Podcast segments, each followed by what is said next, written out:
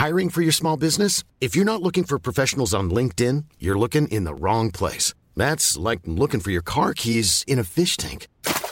LinkedIn helps you hire professionals you can't find anywhere else, even those who aren't actively searching for a new job but might be open to the perfect role. In a given month, over 70% of LinkedIn users don't even visit other leading job sites. So start looking in the right place. With LinkedIn, you can hire professionals like a professional. Post your free job on linkedin.com slash people today.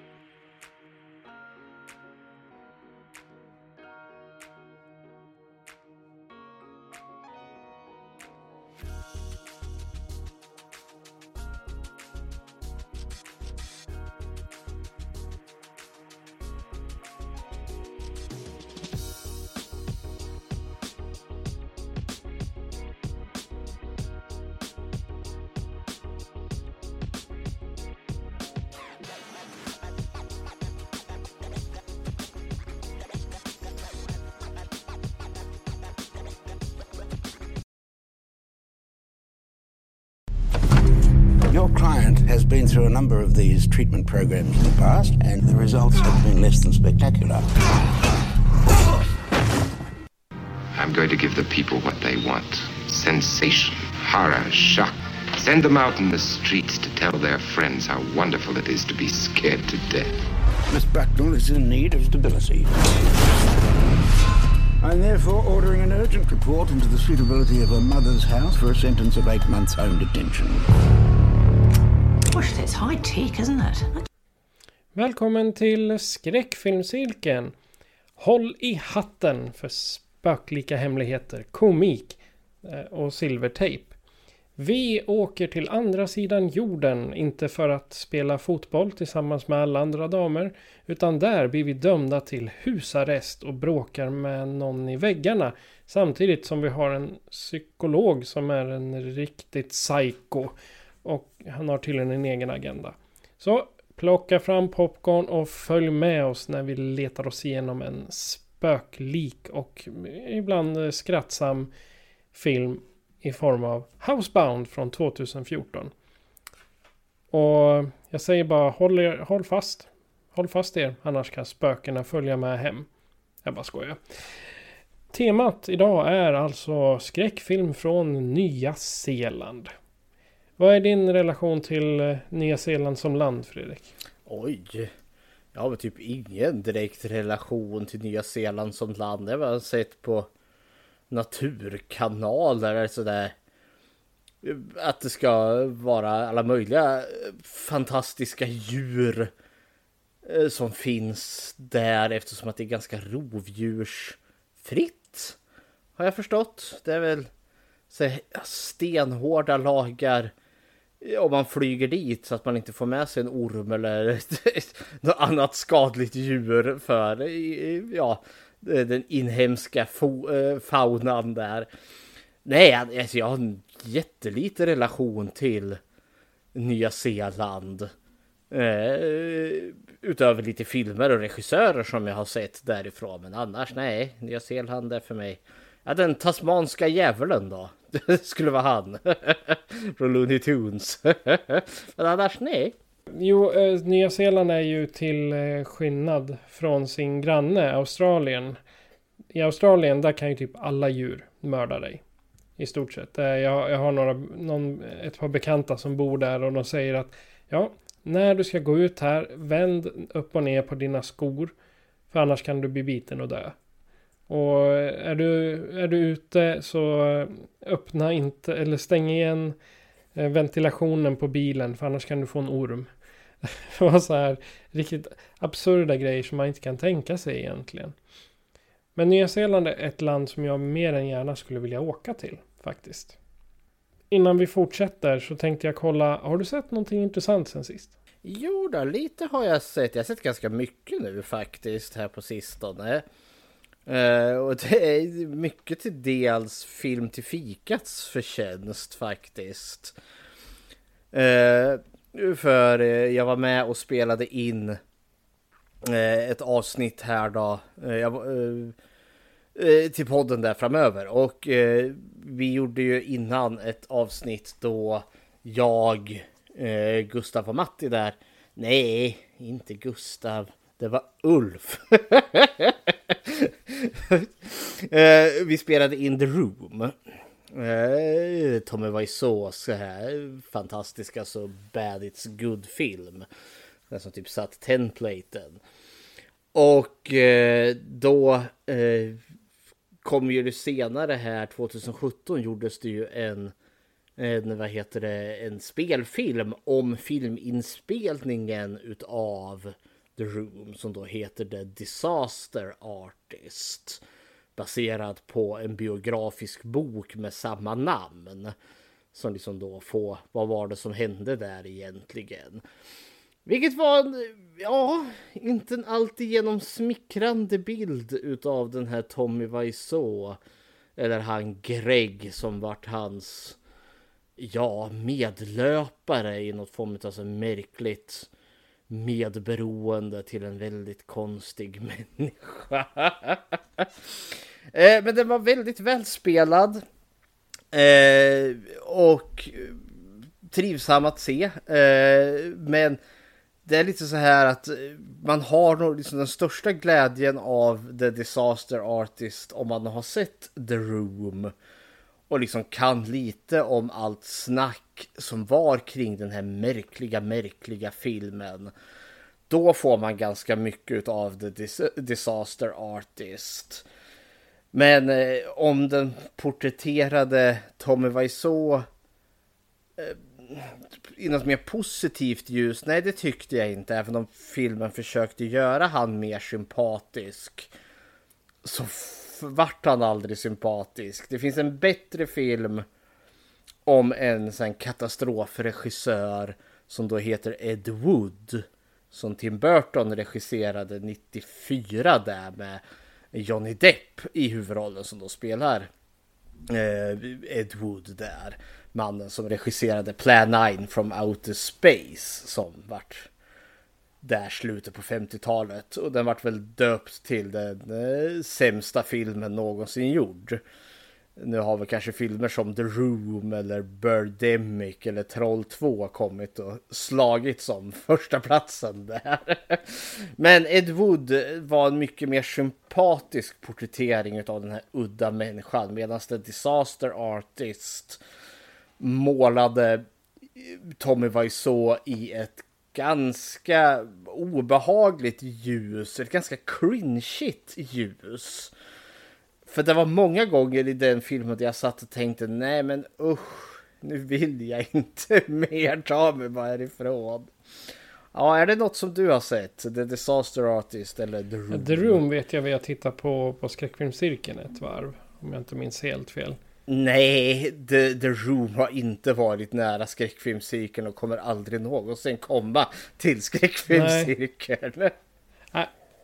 Nej, men då är det inte där. Då har jag tittat på den på någon i någon uh, trå... När jag var uttråkad eller någonting säkert.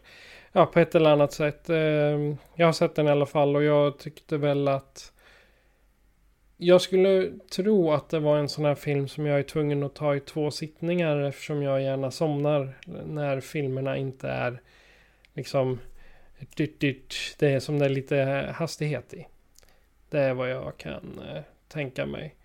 Men eh, det är som du säger, den är så dålig att den blir bra. Sen, eh, för det fanns ju en eh, koppling där då till Transformers. Vilket är då eh, Gustavs och Lindas sidoprojekt där vid, vid sidan om av eh, Film till fikat.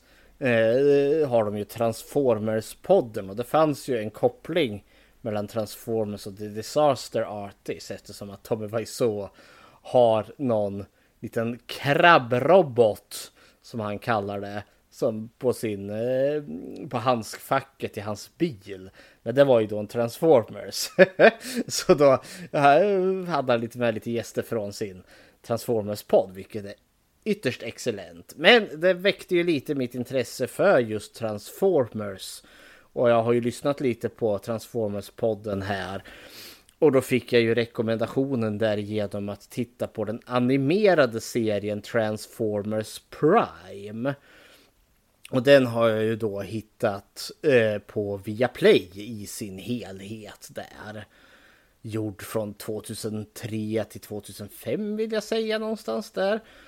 Eh, och, det, och nu har jag sett klart de tre säsongerna där och det var synnerligen underhållande. Och så mycket mer. Ja, more than meet the eye, helt klart. Eh, för innan har jag ju sett Michael Bays filmer. Jag har inte sett alla, jag har sett en eller två av dem. Och tyckte ju de var bedrövligt dåliga. Och efter att ha sett Transformers Prime så tycker jag att Michael Bays filmer är än mer dåliga. För att det fanns ju ett sånt otroligt rikt lore. Eh, för annars liksom tycker att ja, men, robotar som förvandlar sig till bilar eller flygplan eller vad, vad de nu förvandlar sig till. Skapta utav Hasbro där i något form av alltså tv-serien back in the days på 80-talet gjordes ju för att sälja eh, leksakerna. Och så var det ju med he och liknande eh, där också. Eh, så kan man ju tycka att det här är otroligt ytligt och eh, tramsigt. Men det är ju inte det. Det fanns en jävla rik lore. Eh, och karaktärer som jag tyckte om. Och karaktärer jag inte tyckte om. Men något som slog mig också, Transformers Prime där skaparna bakom eh, den serien de stod med en stadig fot ner i skräckfilmsmyllan. För nu är det här visserligen gjort för barn, kanske 11-12 där ish någonstans. Men god damn var de flörtar med skräckfilmer och var det finns referenser inströsslat här och där som, eh, ja det, det, var awesome. Vi hade vampyrer, zombies, det var, fanns hints till aliens, det fanns hints till predator. Det fanns alla möjliga roliga liksom plocka upp lite här och där. Så, mm. Nej men Transformers Prime, det var awesome. Eh, Transformers, är det något du har tittat på? Nej, jag, jag, jag kollade väl på Transformers när jag var liten. Eh, så de, de tecknade. Det var väl allt. Annars har jag inte tittat på det direkt. Så. Nej, utöver det så ser jag fram emot eh, att göra en Barbenheimer här nu. Eh, och det kommer ju bli då framöver här. Vi ska se. Eh, ja, vi och ett litet gäng här ska gå och titta på Barbie och sen Oppenheimer göra den här beryktade double billen. Så nu ska det bli typ sex timmar bio. Det kommer, kommer ta sin lilla tid. Men jag ser fram emot min Barbenheimer. Ja, jag vet, jag hörde på, på USA-podden. Folk hade gjort mm. världens hashtag och allting. Att Barbenheimer har blivit en, eh, en stor grej där. Mm -hmm. Ja, men det är roligt när en hype blir på det här sättet. Och synnerligen om du gynnar rätt personer här med tanke på den här stora strejken som är i Hollywood just nu. Så ja, hepp hepp. Men det är vad jag har sett och planerar att se. Okej. Okay. Jag har fortsatt på min manifest. Eh, och nu är jag på säsong 4. Och den visar då i slutet på säsong 3 så blir mamman till en av huvudrollsinnehavarna blir mördad. Och pojken försvinner, sonen, som har varit väldigt central. Och samtidigt då så blir eh, Ben Stone, alltså den mest centrala karaktären, hans dotter blir också kidnappad i slutet av säsong 3.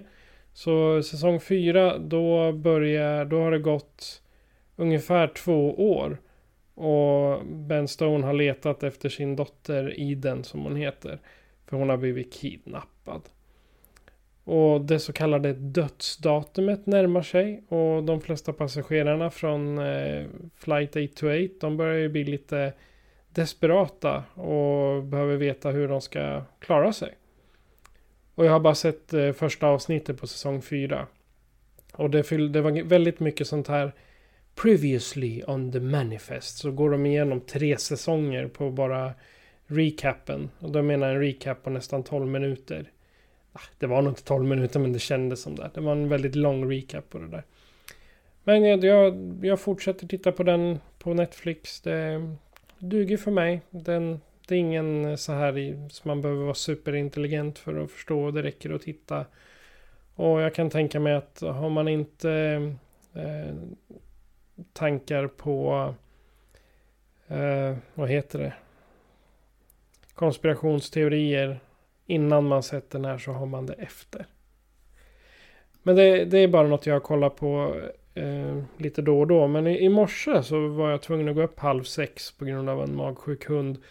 Eh, och då kunde jag inte somna om sen utan jag satte mig framför tvn, drog igång HBO och fick upp The Matrix Resurrections. Och jag vet inte varför jag inte har sett den tidigare. Men det är alltså, vad ska man säga, en reboot utav av Matrix helt enkelt. Nero kommer tillbaka, Neo, inte Nero. Nero det är bränn, brännprogram. Eh, Neo kommer tillbaka fast han är eh, spelutvecklare den här gången. Maskinerna verkar ha lyckats eh, omvända honom så att han inte vet att han är i The Matrix. Utan de lurar i honom att han har skrivit spel som är The Matrix. Och så blir han kär i en eh, kvinna han träffar på ett fik som heter Tiffany. Och ja, vi vet ju vad hans eh, fru heter. Eller hans älskade heter i The Matrix. Kan du det? Ja, men det är ju Tiffany. Ja, fast hon heter inte Tiffany i The Matrix. Nej. Eh, Trinity heter hon. Ja, precis. Trinity. Så de har lurat in... de har liksom bytt namn lite smått. Och det jag fann var extremt underhållande var Neil Patrick Harris. Som en, en bot. Eh, utklädd som en psykolog. Jag tyckte det var så kul att se honom i någon film som inte är komedi. Och den är, den är två och en halv timme lång. Jag tror att jag sov igenom halva. Så jag kommer titta om ikväll. För att liksom se om jag verkligen gjorde det. Men ja, klockan sex på morgonen. Mm, har du, är du trött så ja, titta inte på den då. Men jag ska se igenom den halvan jag, in, jag sov igenom tror jag. Men jag gillar The Matrix Resurrections. Jag tittar på lite på YouTube och recensioner och så. Den, även om den kanske inte har fått de högsta betygen så jag gillar alltså idén om att allting har börjat om. Och vad jag förstår då så har ju The Matrix kraschat i samband med att Neo och Trinity i tredje Matrix-filmen förstörde. Och de har byggt upp det på nytt. Maskinerna har byggt ett bättre gränssnitt. Som Neil Patrick Harris säger. Ja, det är, det är typ vad jag, har, vad jag har tittat på. Jag har haft mycket att göra de här veckorna. Jag förstår inte var dagarna tar vägen. Snart är det slut på sommaren. Inte för att vara negativ. Men över till dagens tema då som är skräck ifrån Nya Zeeland. Och vi ska väl tacka våran deltagare Mons för eh, tipset. Som var han som började med det på skräckfilmscirkeln. Och mm, vad kan du säga om film och skräckfilm från Nya Zeeland? Eller Nya Zeeland överlag? Ja, det kommer inte bli så mycket skräckfilm från Nya Zeeland. Alltså, det blir mer fokus på ja, Nya Zeeland som land och dess eh, ja, lite filmindustri som senare utvecklas. Eh, lite kort allmän info här. Men alltså Nya Zeeland är som sagt ett land jag inte riktigt haft så jättestor koll på. Även om det finns ruskigt stora filmer som har kommit därifrån. Eh, eller som har spelats in där i alla fall. Eh, men det är ju en ögrupp, en större sådan, eh, utanför eh, Australiens kust där, lite norr över dem. Eh, och det jag kunde hitta mig till var att eh, man tror att runt omkring mellan, eh, eh nu ska vi se, eh,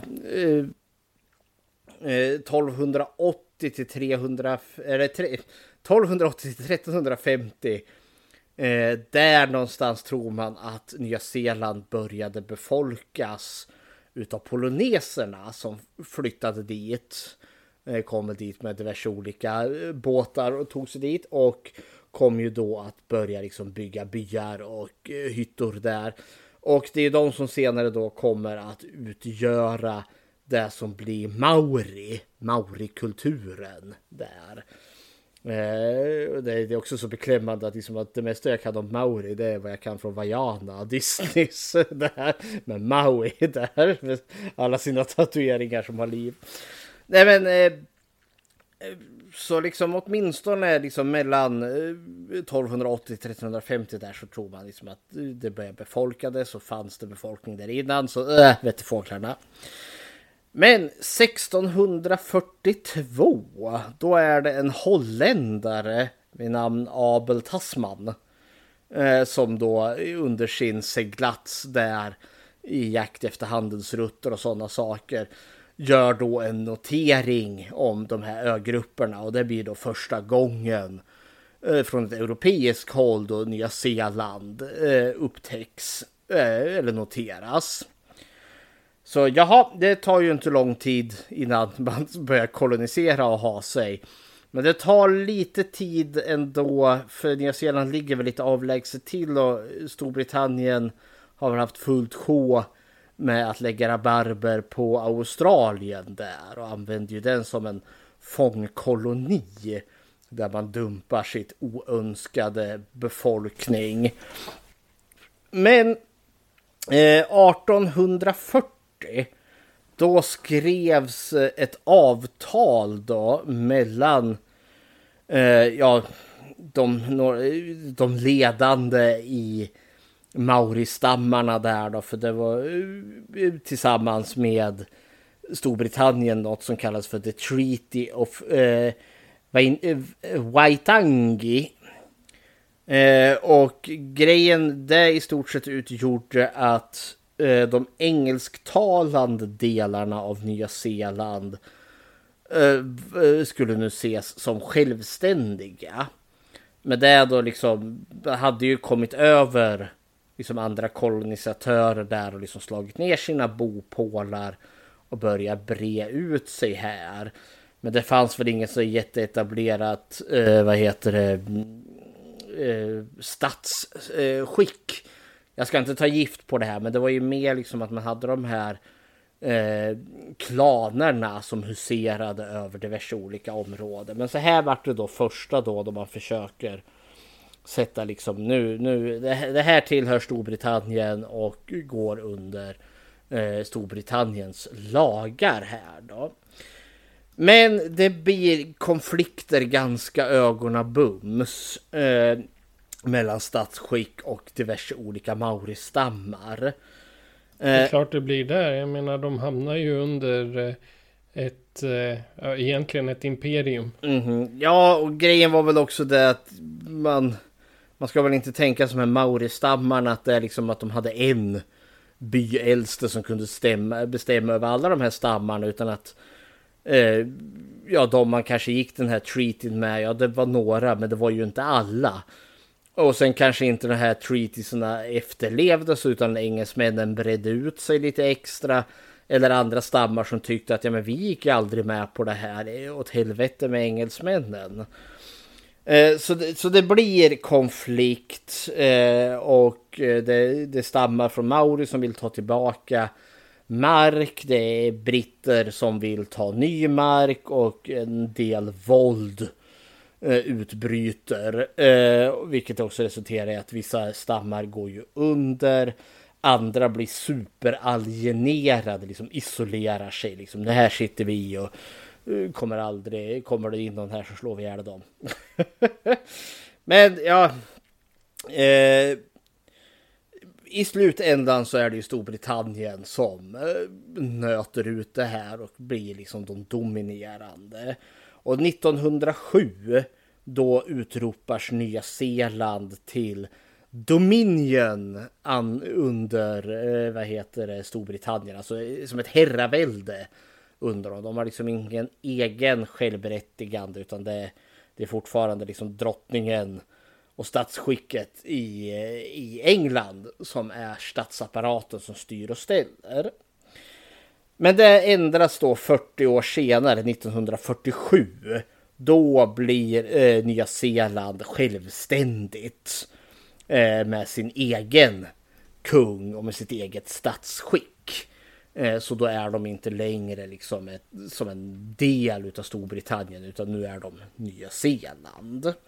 De är inte koloniserade på när man, när man säger exakt. För Nej. Det, är ju, det är ju där de har varit hela tiden egentligen. Ja, och det är väl på vis och vänster. Ja, de är fria från sin koloniherre, men det är ju snarare som så att koloniherren har liksom klonat av sig.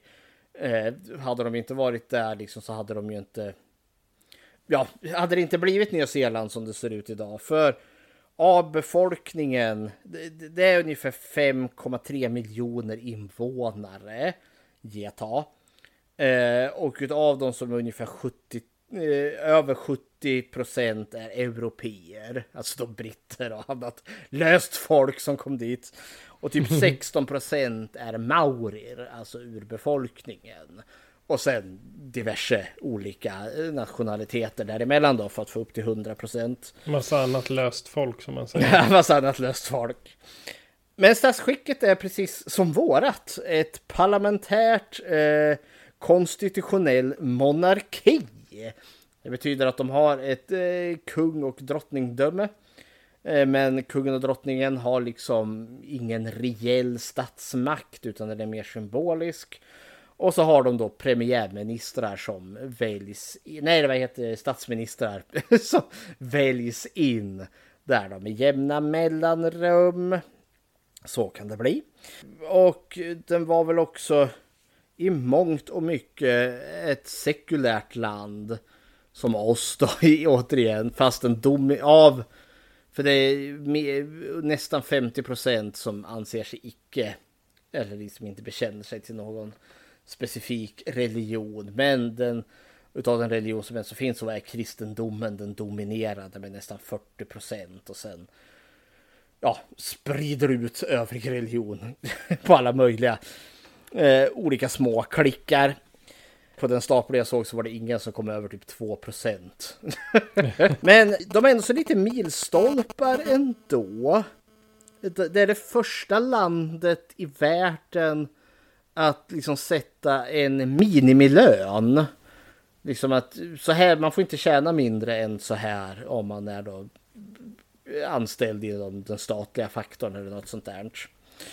Eh, och de var också först ut i världen att ge kvinnor allmän rösträtt. Vilket de gjorde redan 1893. Det trodde jag Sverige var först med. Faktiskt. Nej, det var vi inte. Nya Zeeland är först eh, och de är ju före sitt eget eh, modersland då så att säga. Så heppeli hepp. Nu ska vi se då. då, då det, det var lite allmän fakta om Nya Zeeland här. Då går vi då in på deras filmindustri. Och där är de också ganska lika oss precis i början. Men sen ballar det ur. Uh, och sen går de vidare, ungefär som att svensk filmindustri, vi var jävligt snabba på bollen när filmen väl kom till. Och det svenska filmundret var starkt. Det var vi och Tyskland som gjorde filmer där. Vi såg ju den här Körkaren, stumfilmen där. Det är ett riktigt så här svenskt skrytbygge där man, den staden som den utspelar sig i byggdes ju upp. Alltså en kulissstad där. Awesome. Eh, så, och, och, med Bergman och det gänget liksom. Ja, men fram till typ 80-talet så var ändå så vi en filmfaktor att räkna med. Sen har det blivit Beck del nummer 4011 och Sune i Grekland igen. Denna gång bajsar han på sig i poolen inte en gång utan två gånger. Oj, vad knasigt. Jönssonligan del 47. Jönssonligan the next generation också. Ja. Det värsta är att jag skulle gå och se Jönssonligan The Next Generation för jag tycker om Jönssonligan. Nej men eh, där vi, vi svensk film ser lite slarvigt där liksom. Har varit jävligt stark men nu har vi liksom tappat bort oss eh, i stort sett. Eh, Medan Nya Zeeländarna är ungefär liksom, ja vi börjar ungefär samma starkt. Sen i mittenpartiet där vi i Sverige liksom huserar fritt här och springer omkring med våra Ingvar Bergman och eh, andra skrytverk som vi har där. Ja, så vi är häftiga och internationella vi är.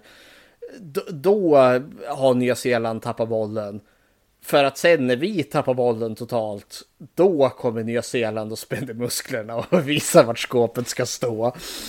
så, nej men då så, Nya Zeeland här då. Eh, redan 1896 eh, Eh, hade de sin första filmvisning där. Eh, det var ju många där som höll på med allt från eh, Jefferson och men framförallt bröderna Lumière var ju de som riktigt höll på det här med rörlig bild. Men nyzeeländarna, de var snabba på bollen där och plockade upp det där. Och den äldsta bevarade dokumentär eh, som finns från Nya Zeeland är då daterad till 1900. Så det är en film, en dokumentär då som är ett, 123 år gammalt vid det här laget. Så det är ju awesome. Vilket tidsdokument bokstavligt talat. Dock ska jag, liksom, ska jag inte ta gift på det här för det jag läste, det var på Wikipedia här då. Gav liksom ingen titel eller liksom något sånt där så jag får bara ta det för face value att det stämmer eller inte. Hashtag killgissning. Killgissning eventuellt. Det behövs lite källor här, tack. och likadant deras äldsta spelsfilm ska också vara från 1914. Så nästa år då, 100 år på den. Eh, samma där, källor behövs tack. Eh, dock eh, så var det väldigt mycket liksom så privata aktörer. De gjorde inte som i Amerika där liksom där Hollywood, eh, liksom liksom där filmbolagen blir en grej ganska ögonabums. Eh, och svensk filmindustri var också ganska snabb. Ah, vi måste organisera det här på något vis och vänster. Eh, så vart det här liksom mer privata aktörer, liksom någon rik excentrisk gubbjävel som tycker att det här är kul. Och andra driftiga personer. Men de kommer väl få liksom en halvt om halvt filmindustri från 20-talet och framåt men det finns liksom inget som centraliserar den. Och det är väl därför det är lite hattigt fram och tillbaka under den absolut längsta tid här. Och majoriteten utav filmerna som görs får liksom ingen internationell spridning utan det är mest liksom ja, i hemlandet här. Dock under 70-talet kommer saker och ting att börja hända lite. Dels då för att då har Australien sin stora eh, boom, filmboom där. Det är då the Aussie exploitation, the Aussiesplation. Eh, med, ja, med, med framgångarna med Mad Max där framför allt. Plus att man inser, för det, det den här postapokalyps eh, dystopierna Eh, Eh, men det gjorde ju också liksom att ah, det fanns lite filmindustri och då kunde man ju locka till sig lite folk. För här fanns det ju fördelaktigt, det är mycket öken, eh, andra natursköna områden. Så gör vi det lite billigare här så kan man kanske börja göra lite film här, locka till sig lite internationella eh, vad heter det, filmproducenter och regissörer. Och investerare. Ja, och investerare. Så liksom, ja, men det kom ju en hel del där. Mad Max, Razorback, Picnic at Hanging Rock, eh, Walkabout och så vidare och så vidare. Eh, och, och, en del, ja men som Walkabout, rönte runt ju väldigt mycket kritisk eh, uppmärksamhet, liksom uppskattad film. Och så fick vi Krokodil Dundee och liknande. Men där gjorde ju då, för vi, vi har ingen direkt revival liksom av internationell nyzeeländsk film, men här kommer då liksom Nya Zeeland, liksom, här startas det då en, vi, vi, vi ska satsa på våran egen filmindustri. Och då kommer det då 1978.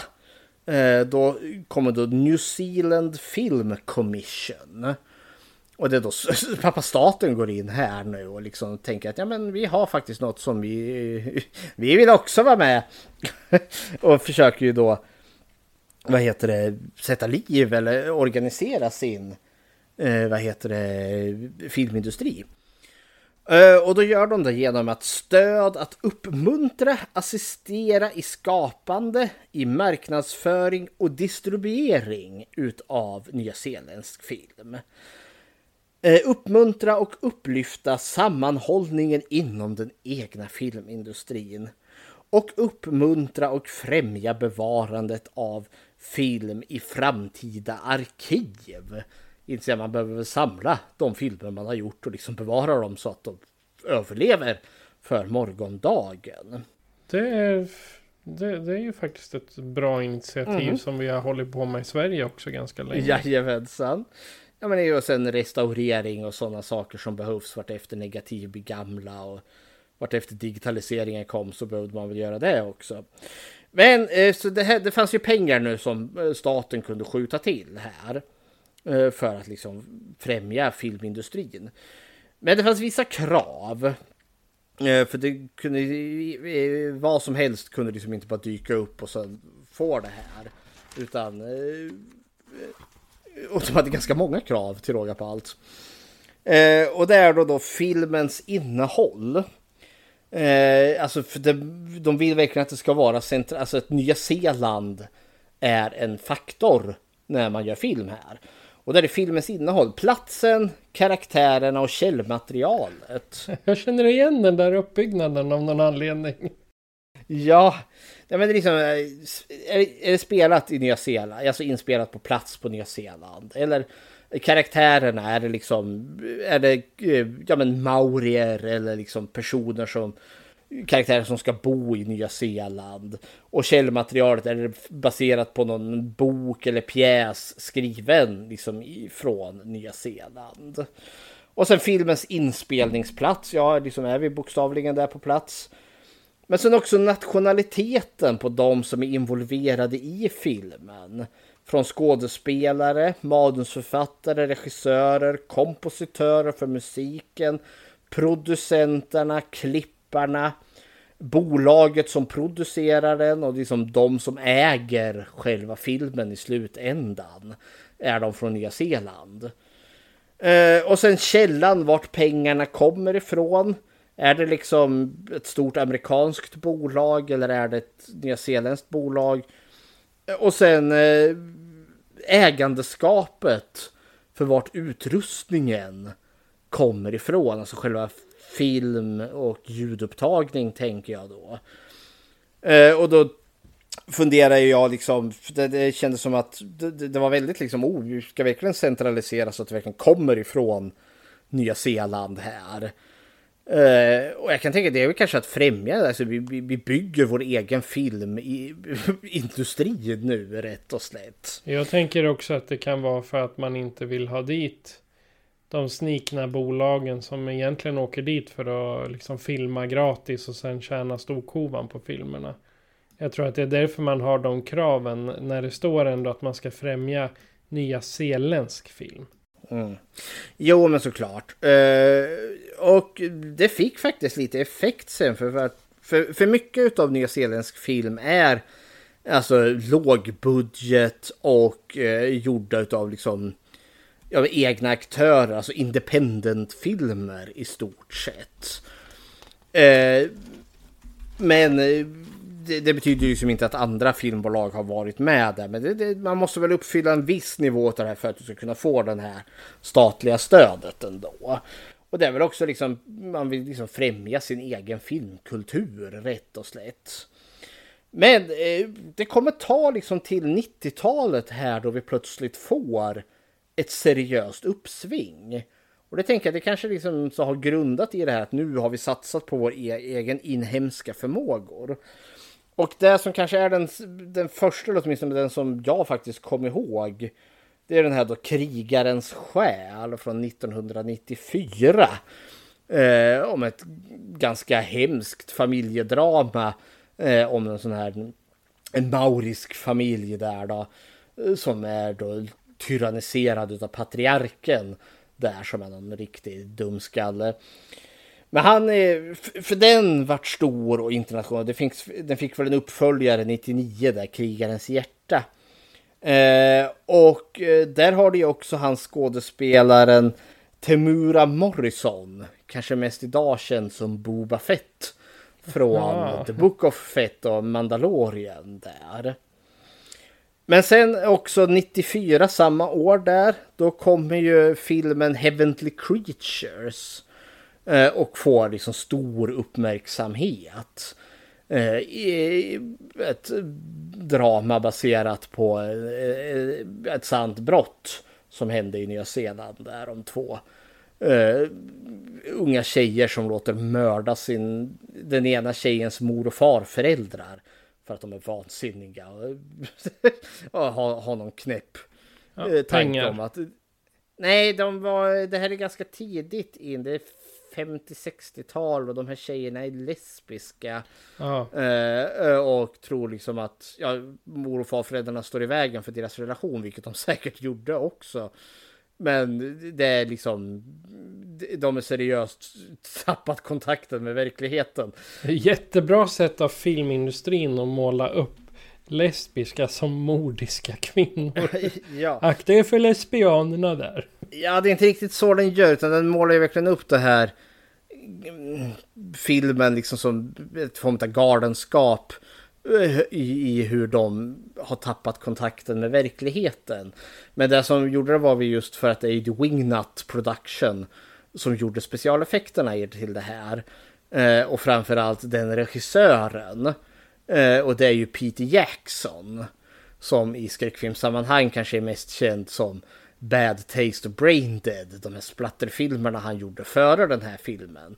Men de var ju inte lika internationellt storkända utan det var ju mer lite underground lokalt. Men efter Heavenly Creature då tog det ju uh, fjutt där för då vart ju han liksom ett välkänt namn.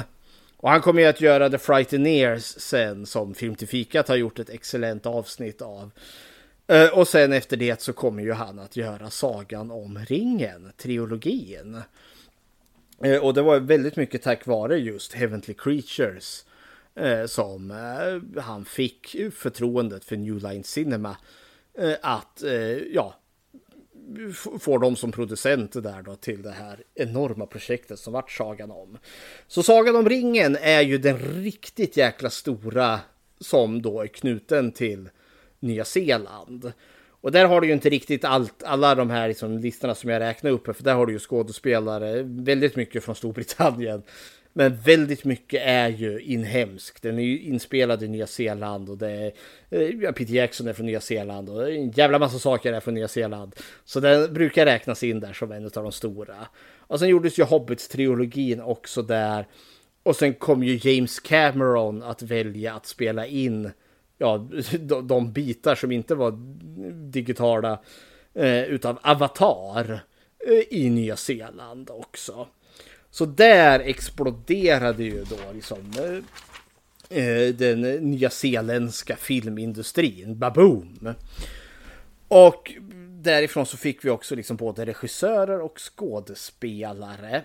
Och då har vi då Peter Jackson som redan är nämnd.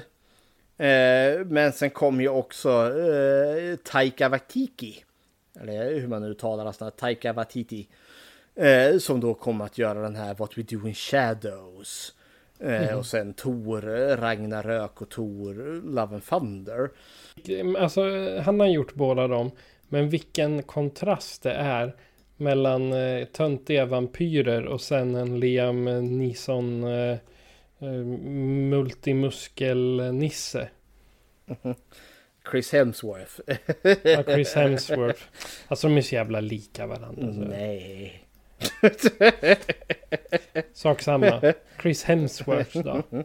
Ja. Eh, men och de hängde ju lite, och han hänger ju också ihop då med Jermaine Clements. Eh, eh, och de var ju liksom, Jeremy Clements där, han var ju egentligen före, för det var ju de som gjorde The Flight of the Concords. Eh, med den här väldigt, eh, ja, typiska tunthumorn som är väldigt fram, alltså som du hittar väldigt mycket av i What We Do In Shadows. Och som vi också kommer se spår av i, i Housebound här sen. Och Jeremy Clements kom ju tillsammans med Lorraine Horsley att göra den här Eagle vs Shark som vart jätteuppskattad. Och sen då ledde det ju för att det är Gerald eh, Jönstum eh, som gjorde då Housebound här. Och som senare kom då att göra, ja i år då, med Trigen, den onda dockan där. Men sen har vi också skådespelare som kommer därifrån som har blivit stora och det är Russell Crowe. Eh, Gladiator där bland annat. Eh, Lucy Lawless. Eh, Sina, The Warrior Princess. Sam Neill, Jurassic Park. Alan. Eller kanske för oss mest känd som från Ivanhoe. Där. När han spelar den mm. onda riddaren där. Eller Carl... Han får spela ond med jämna mellanrum. Alltså inte i Jurassic Park, där är han ju schysst. Eh, och så Carl Urban då. Kanske mest idag känd från eh, som The Butcher i The Boys. Men jag känner mest han som Dredd, eh, som Judge Dredd från filmen Dredd. Och det var länge sedan jag såg mm -hmm. den. Nej men det är väl liksom nyzeeländsk filmindustri i, liksom i ett litet nötskal och det som har präglat dem mest nu är väl kanske just att de har gått och blivit den här backdropen för de här jättestora filmerna som Sagan om, Avatar. Men annars rent krast så är det väl kanske de största är väl då Taika Waititi eh, och han den här typiska tunthumorn. Eh, liksom den lite torra, tafatta eh, som har liksom gått och blivit, vilket egentligen är liksom en förläggning av den här brittiska torra humorn. Men som nu är nyzeeländarnas variation av den. Men det är... Jag skulle vilja, jag skulle vilja höra Nya Zeelands variant av Fawlty Tower. ja. Eh, så det, det, är väl liksom Nya Zeeland eh, filmindustri. Lite kort och koncist där. Hepp hepp. Det är bra att veta. Jag, jag varit så förvånad första gången jag såg att Russell Crowe var från Nya Zeeland. För han, i de filmerna han spelar, då är han verkligen här ur, han, han utstrålar uramerikan.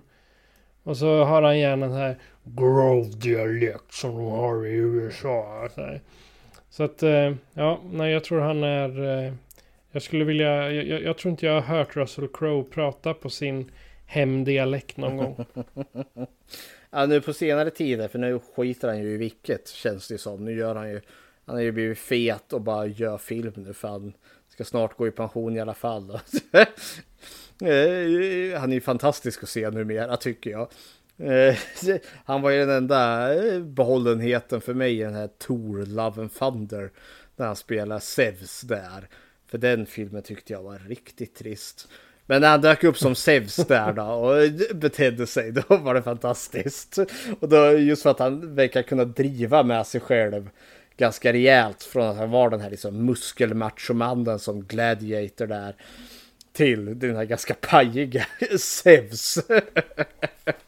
Nej Det är väl så, alla blir ju äldre. Det är ju svårt att komma ifrån det. Oavsett om man är Russell Crowe eller Sina krigarprinsessan eller vad som helst. så. Yes, yes. Men eh, tack för den lilla genomgången av eh, Nya Zeelands filmindustri. Det är verkligen intressant. Men om vi ska då surfa över till Housebound från 2014. Och innan jag spelar trailern så har vi någonting. This is a spoiler warning. Alert! Spoiler alert! This is a spoiler warning. Alert! Spoiler alert! Så här kommer en trailer. Your client has been through a number of these treatment programs in the past, and the results have been less than spectacular. Miss Bucknell is in need of stability. I'm therefore ordering an urgent report into the suitability of her mother's house for a sentence of eight months home detention. Gosh, that's high tech, isn't it? Aren't you lucky, Kylie, having all that fancy technology on your foot? Nice being back home. Some things have happened since I've been here. Things I can't explain.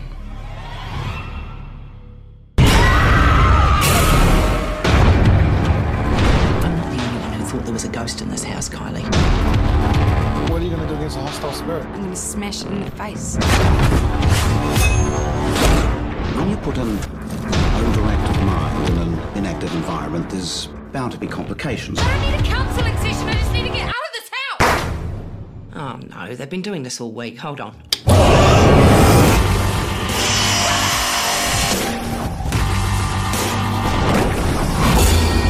Restless spirit that lives in this house. What is your business here?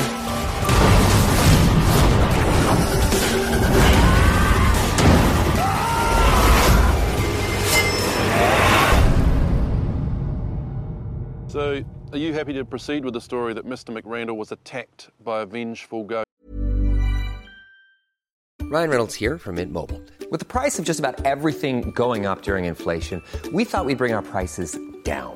So to help us, we brought in a reverse auctioneer, which is apparently a thing. Mint Mobile unlimited premium wireless. Ready to get 30, 30, bit to get 30, bit to get 20, 20, 20, bit to get 20, 20, bit to get 15, 15, 15, 15 just 15 bucks a month. So, Give it a try at mintmobile.com slash switch. $45 upfront for three months plus taxes and fees. Promo rate for new customers for limited time. Unlimited more than 40 gigabytes per month. Slows. Full terms at mintmobile.com. I'm Sandra, and I'm just the professional your small business was looking for. But you didn't hire me because you didn't use LinkedIn jobs. LinkedIn has professionals you can't find anywhere else, including those who aren't actively looking for a new job but might be open to the perfect role, like me. In a given month, over 70% of LinkedIn users don't visit other leading job sites. So if you're not looking on LinkedIn, you'll miss out on great candidates like Sandra. Start hiring professionals like a professional. Post your free job on linkedin.com/people slash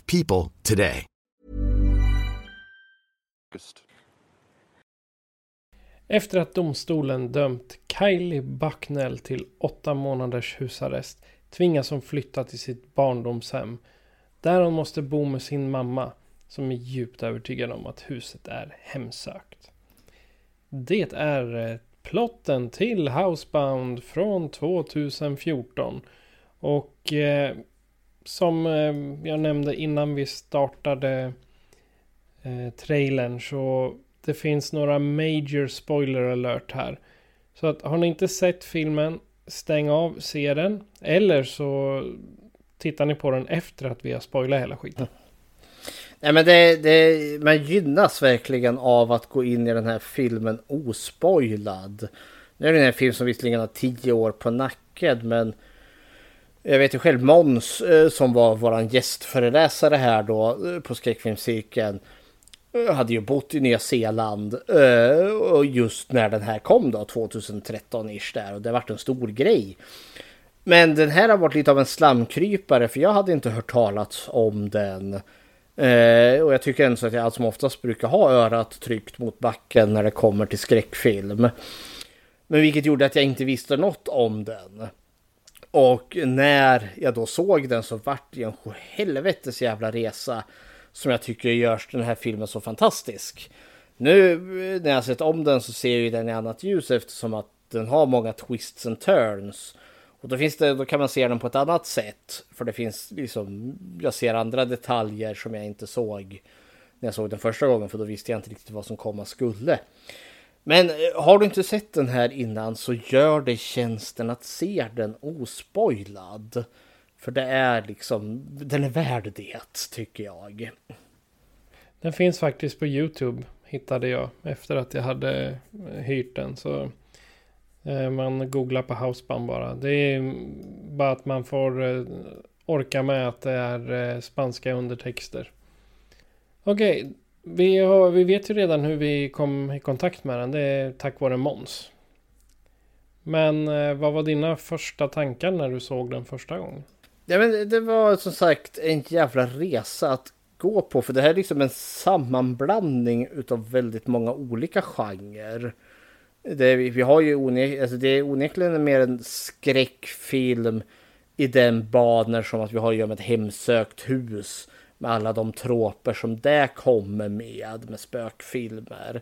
Men det är också liksom ett väldigt klassiskt mysterium mer liksom pusseldeckare också, liksom vi börjar hitta ledtrådar som leder fram till något form av mysteriets lösning. Men det är också, också den här väldigt, ja, den här liksom tafatta komedien som har någon form av diskbänksrealism till sig. Eh, och eh, sen när det med slutet så blir filmen sjövild. Eh, men eh, jag eh, ja, väldigt positivt överraskad av den här filmen. ja, första gången jag såg den var just på skräckfilmscirkeln och det är många år sedan nu. Vad kan det vara? Det måste vara nästan tre, fyra år sedan. Fem år sedan. Ja, för det här är vi är ju halvvägs nu på den ordinarie listan. Vet jag. Ja, det, det var länge sedan och jag hade ju inte sett den innan dess. Och ja, jag var ju lite sisådär underhållen av den. Eh, jag tyckte mest den var cringe. Kanske man skulle säga på de flesta ställena. Det var de här troperna som återkommer i de flesta lågbudgetkomedier. Så att jag var inte sådär jätteunderhållen av den då. Men eh, jag fick ju tänka om nu när jag såg den på nytt. Det fanns ju en del roliga saker när man väl ser sig tittar lite djupare i filmen så känner man igen de här eh, skämten ifrån slasherfilmer och så här oväntat. Det var nästan lite scary movie kunde jag tycka på vissa ställen. Jag tänker en eh, eh, vad heter det? Probation officer eller tekniker för en eh, husarrestgrej som är, också är spökjägare. Och kommer och hjälper till i, eh, i pyjamas. Så det, det vart nästan lite scary movie komedi över vissa delar av det. Men eh, jag, jag, tycker att det gjorde, gjorde sig bra i filmen ändå. Men nu ska vi inte hoppa så snabbt eh, framåt. Vi kanske ska börja med eh, karaktärerna. Om vi börjar med mamma, tycker jag. Rima Teviata. Miriam Bucknell. Vad tycker du om mamma? Hon som kommer att eh, ja, behöva husera sin dotter där då. Eh, ja, men det, det, är en väldigt sympatisk karaktär. Eh, för hon är också en väldigt eh, pinsam karaktär. Hon, jag kan förstå liksom, hon, hon kör verkligen den här, ja men, lagom tuntiga mamman på något vis och vänster som också har en väldigt förkärlek för att prata en jävla massa nonsens hela tiden. Men också i grund och botten känns väldigt godhjärtad men samtidigt rysligt naiv. Eh, för hon ja, är onekligen medberoende till sin dotters dåliga eh, beteende till hennes missbruk och hennes eh, krig, ja, hennes väg säkert till kriminalitet för att hon har säkert också låtit sig, eller hon har, det känns som att hon kan lätt bli manipulerad. Dels för att hon har en väldigt godhjärtad sida av sig, hon vill hjälpa till men sen kanske hon är lite för konflikträdd för sitt eget bästa där då, så då är det kanske det enklaste att bara finna sig i det som är lite jobbigt och så låter vi andra ta de lite eh, jobbigare besluten. Och det visar sig ju ganska rejält i mitt, alltså när, eh, när hon går ner och ber om att få titta på någon jag vet inte riktigt vad det är för något de, de brukar titta på på tisdagskvällar eller vad det nu är. A Coronation Street, eh, något sånt där. Ja, det är en såpopera. Ja. ja Okej. Okay. Ja, det, det, det, visar sig ju där för hon eh, säger bara ja ah, men det, det där är eh, Coronation Street Night. We would like to watch it. Can you take the television eh, later? Och hon höjer volymen bara. Och så får hon bara finna sig i det och hennes eh, ja, hennes nya make då som eh, ja, han säger ju, han är ju minst lika tafatt han så liksom ingen tar fighten här utan låter ju sig bara hunsas utav eh, ja, sin vuxna dotter på glid här nu. och då får jag känna, för det sitter hon också och säger sen att ja, men hon vill inte jag tänker inte låta eh, de här åtta månaderna, att jag kommer bli en eh, fånge i mitt eget hem i de här åtta månaderna. Det kommer jag inte finna mig i. Men det känns också när hon säger det att att det är bara sånt som hon säger, liksom törs säga till sin make där till eh, Gra Grammy. För att i slutändan så kommer hon inte göra något i alla fall. Hon kommer låta sig hunsas. Utan, och- och det är det som mitt hjärta blöder lite för henne då. Eh, samtidigt finns det liksom en komisk timing med henne för hon är också den här ufo-människan. Hon krockar ju med saker och ting hela tiden. Eh, kör ju in bilen i, eh, i väktarnas bil där exempelvis kvaddar sin bil. Oj, det vart, no, det vart nog mer skada på min än på eran. Var som om det är en ursäkt. Ja men det är så, hon är enormt tankspridd verkar det som. Eh, och eh, ja, det, här känns som en människa också som tar mycket saker liksom på i första hands eh, värde på precis allting. Alltså det, det är inte en människa som ifrågasätter så mycket. Det här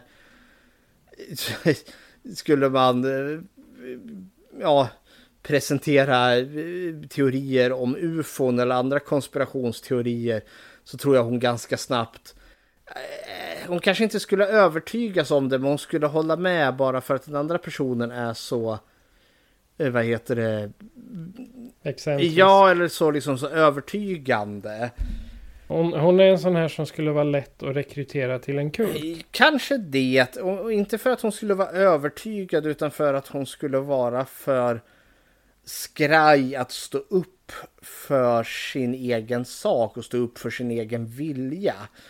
Eh, så hon skulle liksom inte hjärntvättas men hon skulle bli kvar för att hon törs inte göra det hon behöver göra. Hon vill inte göra andra arga. Nej, och då liksom gö- gör hon åkall på sig själv. Och det gör att jag ömmar ganska mycket för henne, men hon blir också... Två saker, liksom, grejen är att hon, hon är ju den som talar om att huset är hemsökt. Eh, och det gör ju också liksom att, ja men hon, i och med att hon är som hon är, eh, så Eh, tar ju ingen hennes på eh, säkert stort allvar. Det är ju inte förrän dottern också börjar uppleva samma saker. Men det är ju det att dottern hon, hon är ju mer tänkande, analyserande. Och vill liksom, hon ställer ju frågor och vill ha svar på de frågorna. Medan eh, eh, mamma Miriam här, hon, hon på sin höjd att hon eventuellt ringer eh, skvallerkompisen och så pratar hon om det. Och så görs det inte mer än så. Eller så ringer hon in eh, till radio och pratar med dem. Ja det gör och det, det, och det förstår man ju också liksom lite underförstått att ja men hon är ju ett ufo. Även om det kommer ju senare visa sig att hon har ju mycket väl upplevt det som har hänt i huset. Men ingen riktigt tror ju på henne. Eh, Så hon blir ju liksom bara eh, the kooky crazy lady som ringer in. men det är också därför att ja, men hon ifrågasätter och undersöker inte mer. Utan hon, hon är bara en sån, hon finner sig i situationen. För att hålla liksom god min och god ton. Så samtidigt som mitt hjärta ömmar för henne så är hon också en lite frustrerande karaktär. För det är flera gånger som jag önskar att hon bara kunde trycka sin dotter mot väggen och liksom bara säga vart gränsen är. Det här är det som gäller din otäcksamme fan. Men det gör hon inte. Så ja, hepp. På så sätt så känns hon ju väldigt realistisk ändå. Ja. Ja, Jag vet i, tidigt i filmen när hon kommer in. Har du ätit all köttfärslimpa? Ja, jag var hungrig. Ja. Den där skulle vi ha till middag. Ja, men jag var hungrig. Mm. Och det, där, där kunde jag bli lite sur för så gör man bara inte. Nej. Du stjäl inte mat ur kylen som helt klart är tillagad. För det alltså om, om jag skulle ta ur, ur min kyl här och jag ser att den är tillagad, det är plast över och då, då skulle jag ha vett i huvudet och tänka, ja men den här är till någonting, vi kanske får gäster eller vi, vi kanske ska äta det ikväll eller vad som helst. Så det känns som att hon tar den maten bara för att. Ja, men nu måste vi ju prata. Alltså bara för och jävlas. vilken är det vi, vad är det för karaktär vi, som gör det här då? Det är ju dottern. Jajamensan. Kylie, våran huvudrollsinnehaverska här. Ja, eller Morgana O'Reilly. Jajamensan. Eh, och vårat osympatiska huvudrollsinnehavare här. Eh, som då är personer som är housebound. Hon som har fått husarrest här. I åtta månader i ett hemsökt hus visar det sig. Vilket är, vilket är en kul koncept liksom. Att ja, men jag kan inte lämna huset för då bryter jag mot lagen. Ja. Men det, det, det, är en sak som jag, vill, eh, som jag vill ta upp här och det är när de åker fast. Vad är det för jädra mupp hon har med sig när de ska råna den där bankomaten? Ja men det är ju det. det är ju, de är ju... Det här är inte bra kriminella och hon är ju... Eh, eh, han lyckas ju... Hennes kollega där lyckas ju knocka sig själv när han slår släggan i bankomaten så pass att den studsar tillbaka och träffar han själv i pannan och knockar honom. Och, hon, och de har ju inte tänkt, när man väl får ut den där så är bilen så pass tung. Så att när, när de ska åka över en vägbula så fastnar den på bulan och så kommer de inte vidare. Nej men hon är ju en strulis eh, så det står härliga till. Eh, och eh, vi förstår ju där liksom, vi snackar ju både ja, men strul från sen hon, varit, sen hon har gått i skolan. Och det har varit liksom mycket tonårsfylla, det har säkert varit en hel del bråk och skit. Och vi förstår också att hon är gripen flera gånger för narkotikainnehav. Hon har skickats på flera så här rehabs. Eh, och för att, ja men men, gått igenom statens liksom komma till rätta hjälp här. Eh, och hon har liksom, hon har inte blivit bättre. Och nu är hon liksom någonstans 25 där då liksom. Livet är bara liksom i, i fritt fall. Eh, och det är lite märkligt för jag hade tänkt att hon borde väl få fängelse här egentligen om man ska vara krass. Men jag kan inte nyzeeländska lagar, men ändå så. De spränger ju den där bankomaten med hjälp av en hemmabyggd bomb. Och jag tänker att mm, lite allmänfarlig ödeläggelse där. Det känns som att just det här åtta månaders husarrest känns lite väl lojt med tanke på all annan skit som hon har gjort innan. Men eh, då hade inte vi fått någon film så man får väl se igenom det. Nej men sen tänker jag också att eftersom det är på Nya Zeeland och du, du vet ju hur liten den ön är. Frågan är hur mycket fängelser det finns där. Det, där det, det är så, eller behöver de skeppa iväg dem någonstans?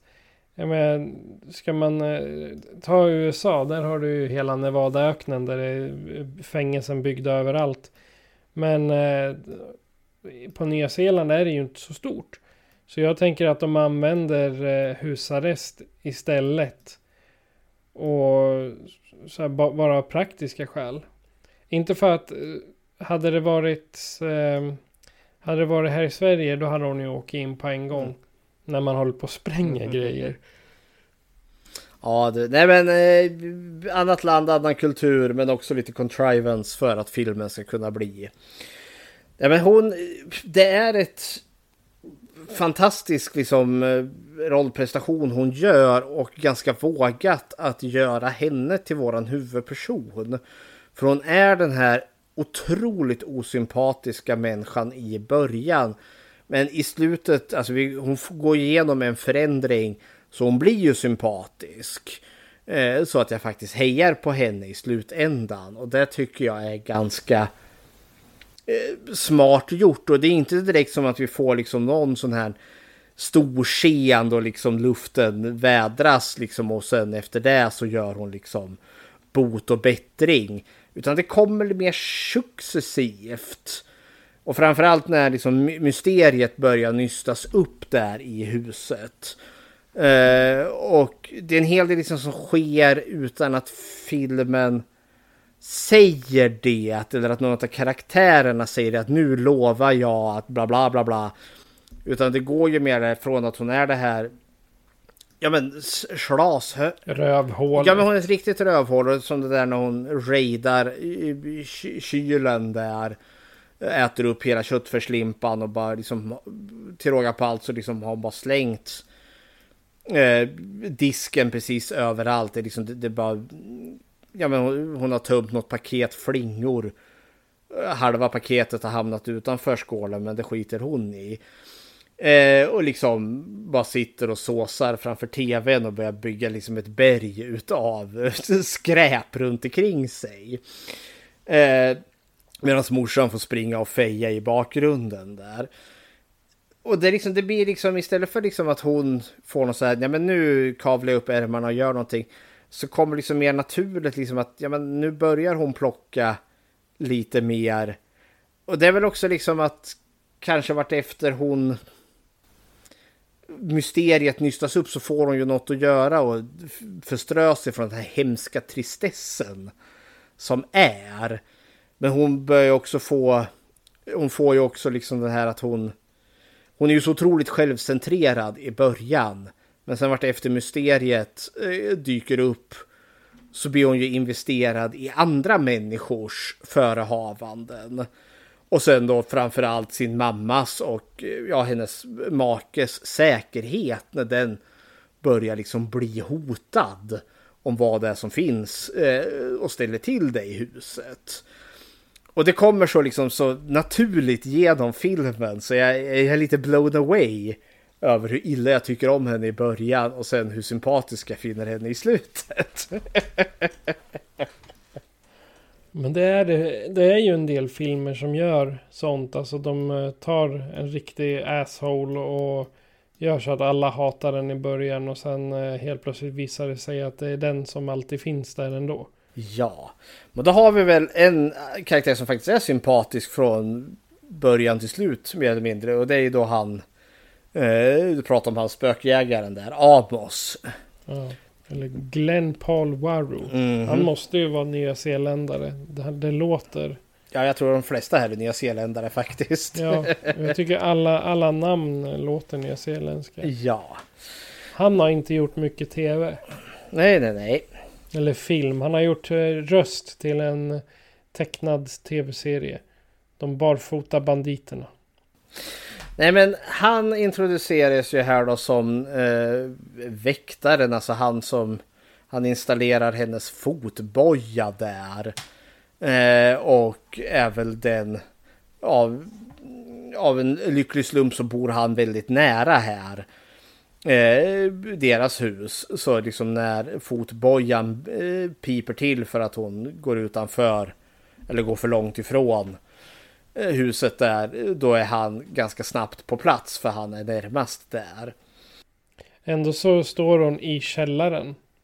När den piper. Ja, alltså det, det kommer för långt ifrån sändaren eller om sändningen bröts för att det är för mycket betongvägg eller något sånt där, vet du, fåglarna. Men det är där han då liksom ändå så visar sig vara lite mer än bara pappa staten som andas över hennes axel. Utan för det visar sig att han är ju en inbiten entusiast eh, av spöken. Han är spökjägare i stort sett. Jajamensan. Och kommer ju liksom bli hennes, eh, ja, lierade i undersökningen om vad det är som händer i huset. Eller har hänt i Ja, huset. hennes, hennes andra man. Ja, eh, och det blir också, för hon kommer ju behöva bryta mot de här eh, fotbojan mer än en gång. Och då har hon ju honom som kan trixa och knixa lite här för att liksom sit- hålla ja, polisen på avstånd.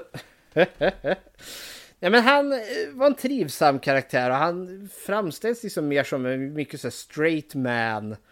Liksom ganska seriös, liksom kändes som att det här kommer vara en myndighetsperson. Men sen liksom när vi får se den här spökjägaren, ja, då har han ju väldigt mycket charm, han har mycket humor till sig. Jag trodde i längden att det skulle bli någonting mellan de två. ja, nej, Det hade jag i, i här, om det hade varit en, eh, liksom en film som riktar sig mot lite yngre, då hade det varit, blivit en romans där. Men det hade förstört hela, hela själva filmen, för det behövs inte en Nej, romans. det behövs det verkligen inte. Nej, men det blir, det blir de här två som beger sig ut på ett äventyr. Eh, liksom att nysta upp hemligheterna som har hänt här.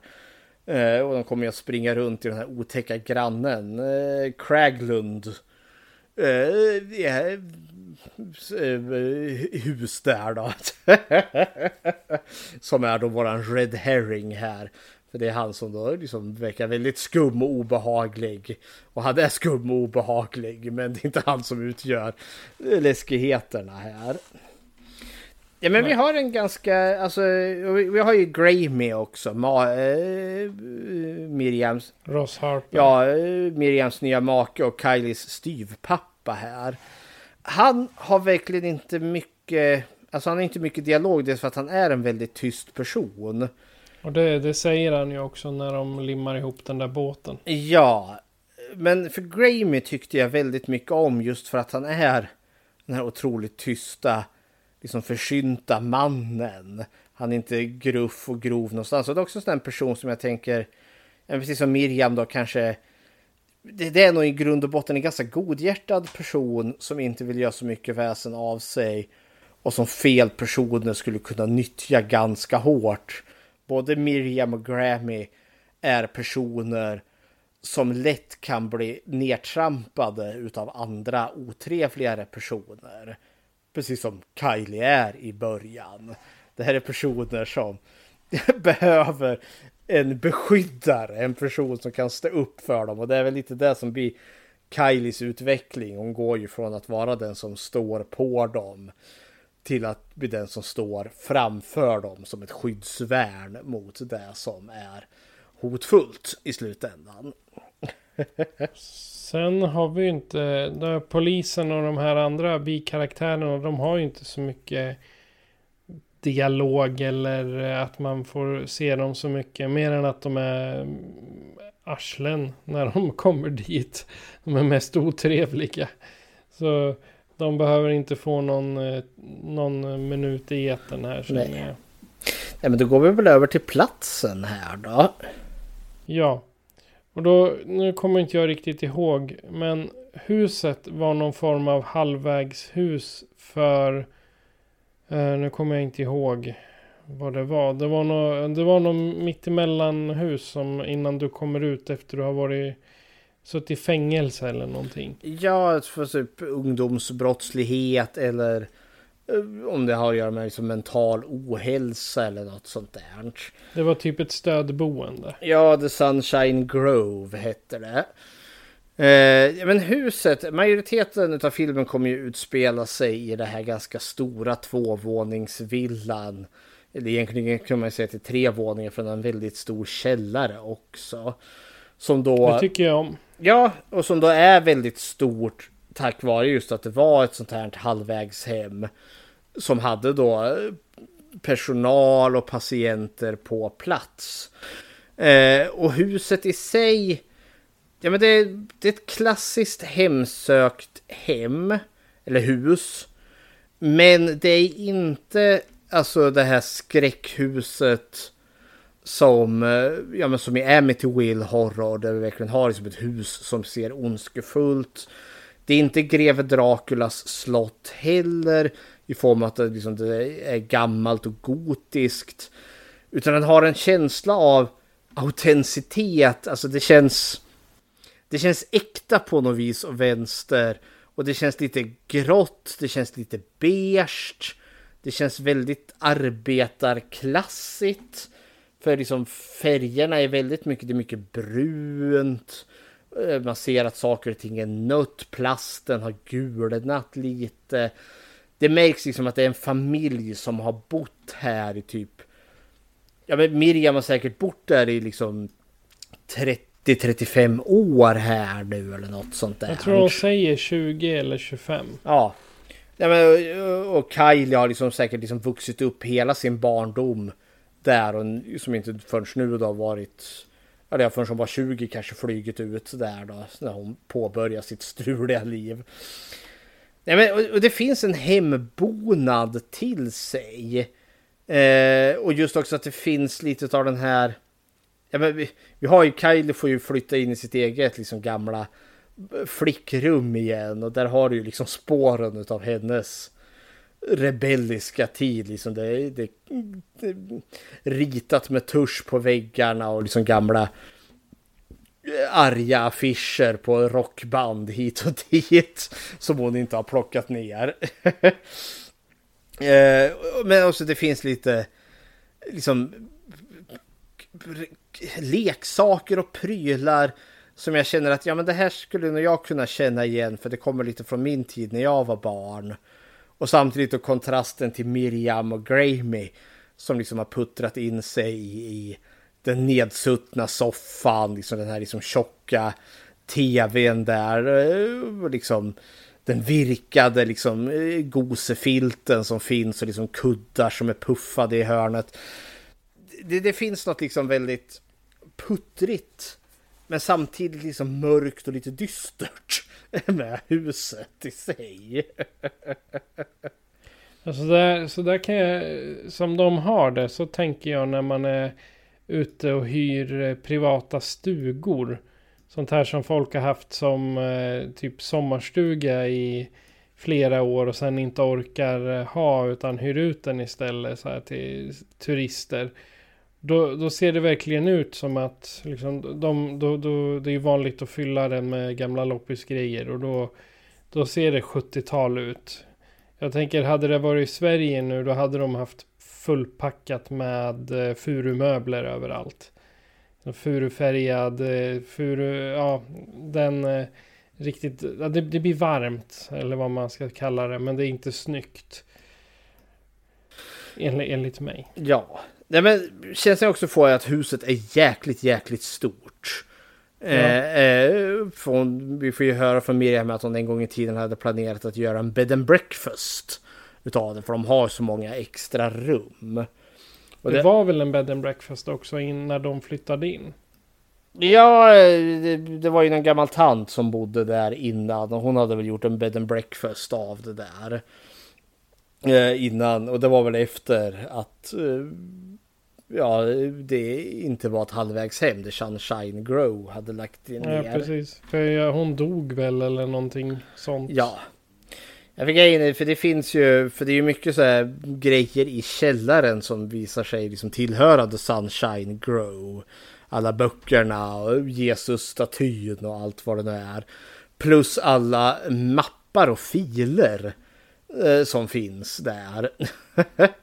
Så hade det varit idag då hade det bara skrikit GDPR, GDPR. Ja. Något jag gillar också här, för liksom istället för att ha eh, vad heter det, spindelväv och fladdermöss som far omkring. Så tänker jag, alltså när de är nere i källaren så ser vi rören som går i taken, liksom husets infrastruktur. Och det tycker jag är kul på något vis och vänster. Jag vet inte varför, för jag sitter hela tiden och blir lite så här, jag håller att göra med stigande ålder. Han sitter och tänker, oh nej, tänk om det där röret går sönder, då blir det ju vattenskador och det är jättetråkigt.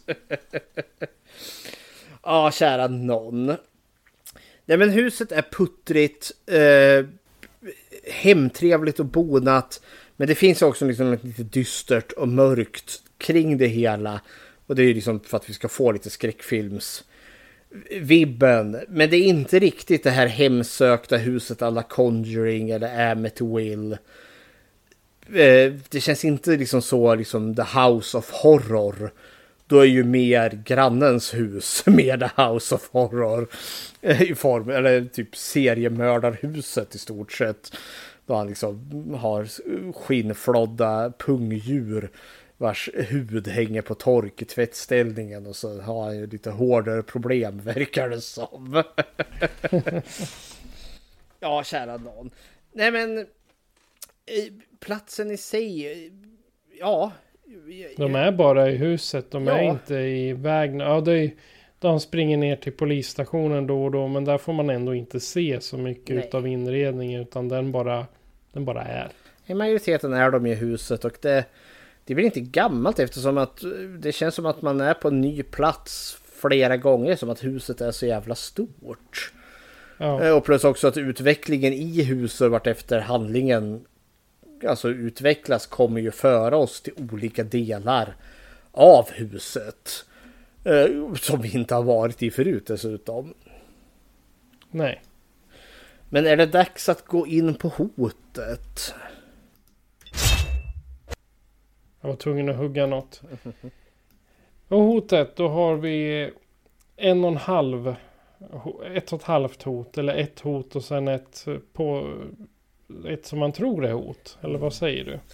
Ja men alltså det här är ju, för det, som, eh, för det är berättat om ett hemsökt hus. Det börjar ju knarra och låta i huset. Eh, och det sker konstiga saker.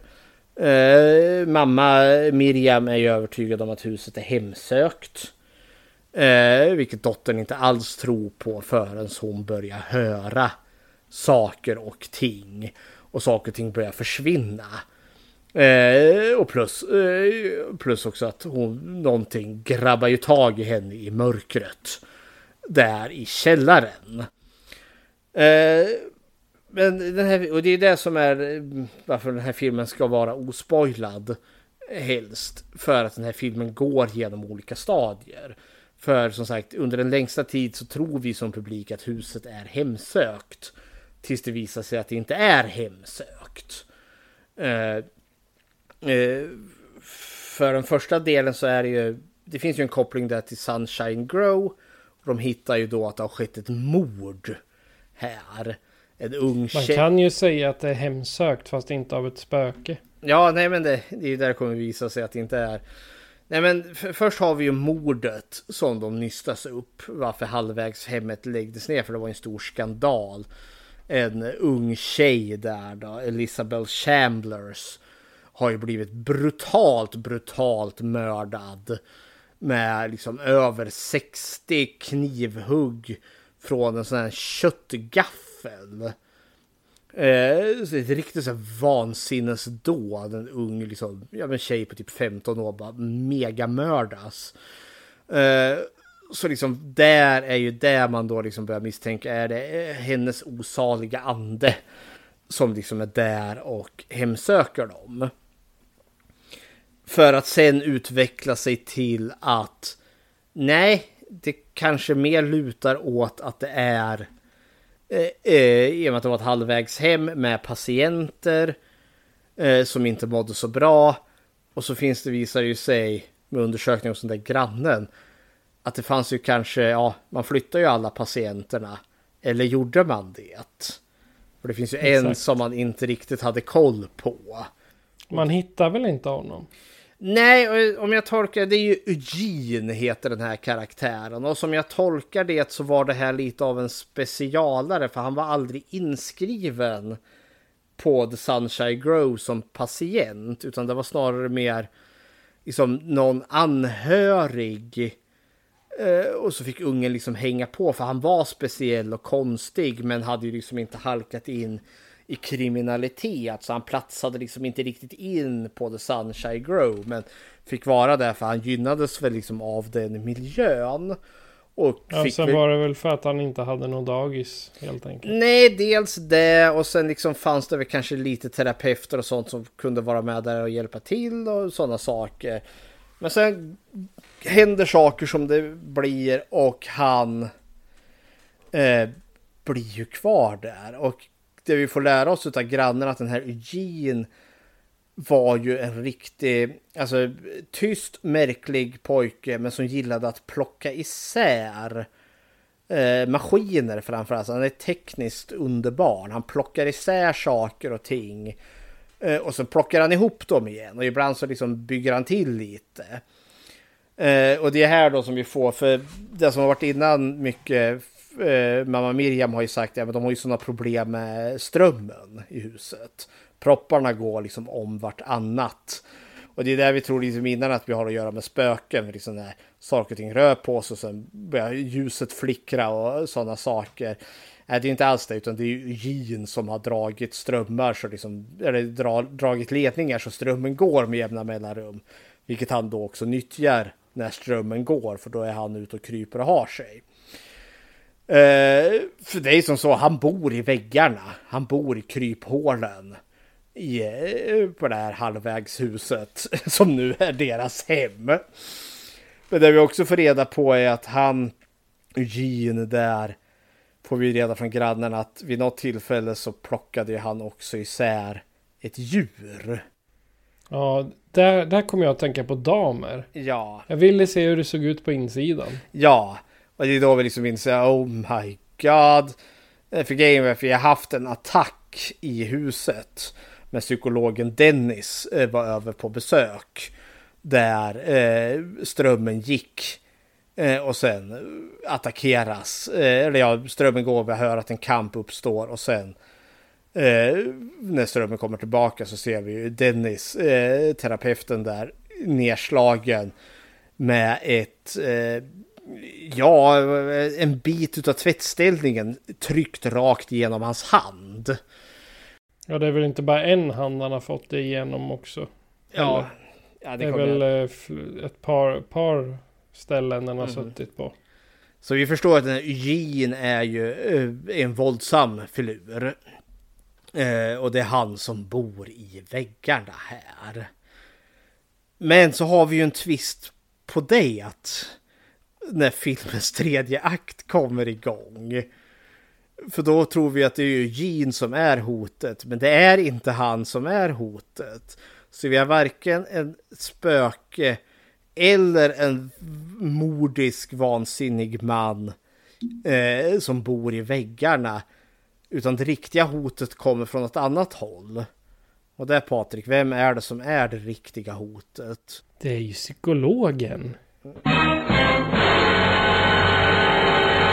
Men det är psykologen Dennis där då. För han jobbade väl på det där eh, halvvägshuset. Ja, han, eh, han hade sin praktik får vi reda på. Eh, eh, det, det hänger, han hade sin praktik där på The Sunshine Grow. Eh, och eh, han arbetade ju... Första dagen han är där, då blir han överfallen utav hon den här Elizabeth Chalmers. Som misshandlar honom. Eh, för att hon är en instabil eh, ung flicka där. Vilket han då eh, tog illa vid sig vid. För dels i den här misshandeln så sabbar hon ju några tänder. För det kommer ju bli en springande punkt. För det finns en tandställning. Hon, hon måste ha slagit ut några tänder på honom. Så då har han liksom då... Så de får inte brygga som man kan stoppa in så han kan liksom få en full, full set med tänder. Och det är det liksom som blir det som avslöjar honom. För de hittar ju den här tandställningen. Eh, när de håller på och undersöker och kommer fram till att det måste ju vara mördaren. Så tror de att, alltså, att de måste hitta mördaren för att ge spöket Elizabeth Chambers frid. Och sen glöms ju det bort när vi tror att det är Jean som är eh, den galne mannen i väggen. Bara för att sen komma tillbaka sen. När, eh, när Dennis sitter och knaprar på en kaka och liksom, oh, när han får ont och så tar han ut sin tandställning. Och då går det upp ett ljus, åh herregud. Det är han som är mördaren. Men det finns det faktiskt en, eh, en historia om det var en kvinna som bodde i ett pars... Eh, Ja, de hade ett väldigt djupt skafferi. Så då hade hon gömt sig inne i skafferiet och bodde där. Så de tyckte att det började försvinna mat på nätterna och de började bråka och fråga varför du går upp på natten och stjäl mat. Och... Men det visade sig då, då hade de en, en kvinna som bodde i deras eh, skafferi. Det var någon hemlös som hade smugit in på natten någon gång och så eh, på nätterna när de eh, sov så kröp hon ur, hon åt av deras mat, pissade i deras eh, diskbänk och vad allt de nu höll på med. Och de fattade inte varför maten försvann så de satte upp en kamera i köket för att se om det var en katt eller om det var Mm. någon som gick i sömnen. Ja, då såg de ju henne förstås. Kära värld. Spooky. Men här har Ja. vi då två karaktärer till där då. Och då har vi då, då börjar vi med då Eugene. Eh, vår man i väggen. Vad tycker du om Eugene? Jag älskar eh, skådespelaren som eh, gör honom. För om man tittar på bannern som vi satte upp på Facebook-sidan till det här. Eh, Ryan Lamp heter han som gör den. Så gör han en riktigt fin min där också.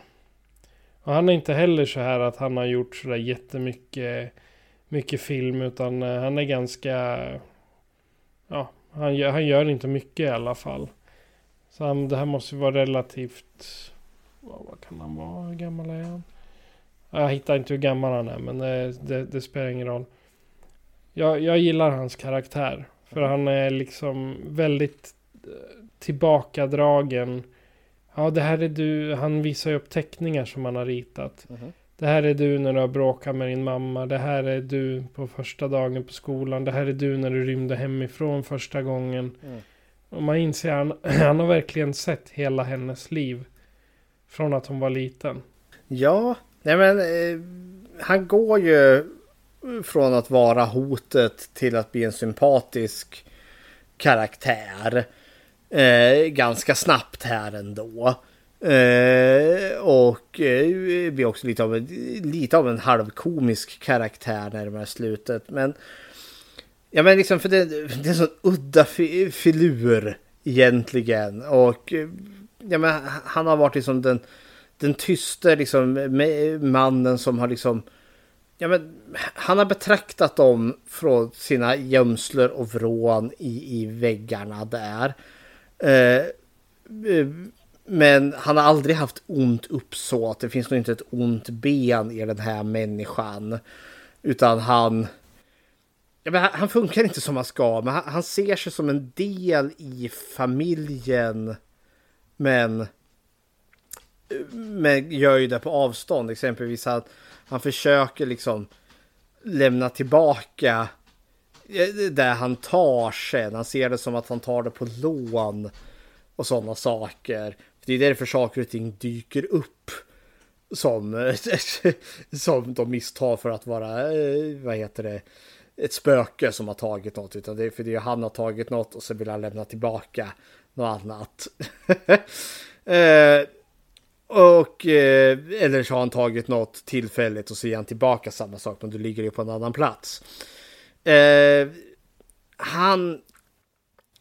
Ja, nej men eh, han- han går ju också, för det är också lite imponerande, eller jag, jag fann det lustigt för liksom när jag såg den första gången så gick han ju från den här skräckenjagande galne mannen som står för liksom hotet, faran, eh, liksom han som vi måste skydda oss för, eller från, eh, till att bli personen som måste skyddas.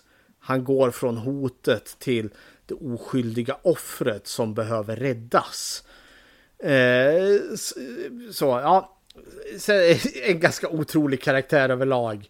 Men jag tolkar också som att i slutet så, ja, blir han inte omhändertagen utav myndigheten utan han får glatt bo kvar i deras väggar där. Fast nu som en mer delaktighet utav den här familjen. Istället för att leva i hemlighet. Det är ju också en grej med, eh, som jag tycker är häftig med huset. Det är ju mycket större än vad skenet ger eftersom de har sina... Det, måste, alltså det är ju väldigt djupt mellan väggarna. Det är ju... Man, eh, jag skulle väl kalla det för krypgrunder. I, eh, för att vara liksom de, den typen av väggar. Så... Men eh, det måste ju vara enormt små rum om de har så mycket hål mellan dem i väggen. Det är ju så här. Men det, det är också, de har tagit ut svängarna extra mycket för att det ska märkas. Eller Men- vara tydligt. Men jag också tycker här, det, det länkar bra med Miriam och Grammy. Som de här märkliga, men de här liksom lite tafatta människorna som låter sig finnas med saker och ting. Att just eh, Eugene ändå så bor kvar i slutändan. För det funkar lite alltså med, med deras personlighet ungefär som att ja, men det- det bor en man i våran vägg. Och det är helt okej. Ja, men han är ju snäll och trevlig och jag finner mig med i det. Han har ju alltid bott här. Så på så sätt så är den här lite, så, äh, lite ljuv ändå. För det är den här bizarra, bizarra familjen. Modern family här. Uh, och det blir också Kylies jag får en räddning från hennes liv på glid. Med att, ja men, hon, istället för att liksom, ja men, till och med den bizarre mannen i väggen har liksom ändå så tyckt och brytt om sig om henne. Även när hon har betett sig enormt dåligt. Och, eh, och det blir också en parallell till hennes mamma som har fått stått ut med så mycket. Men som fortfarande också har öppnat sitt hem för henne trots all skit hon har gjort. Så det finns något väldigt vackert i den här liksom märkliga dysfunktionella familjen. Men vi har ju ändå så den här auktoritetsfiguren som är det stora hotet och det är ju Dennis. så, så Kylie får ju lite upprättelse. Hon får ju ändå så sparka lite åt något håll i sin ilska i alla fall. Mm.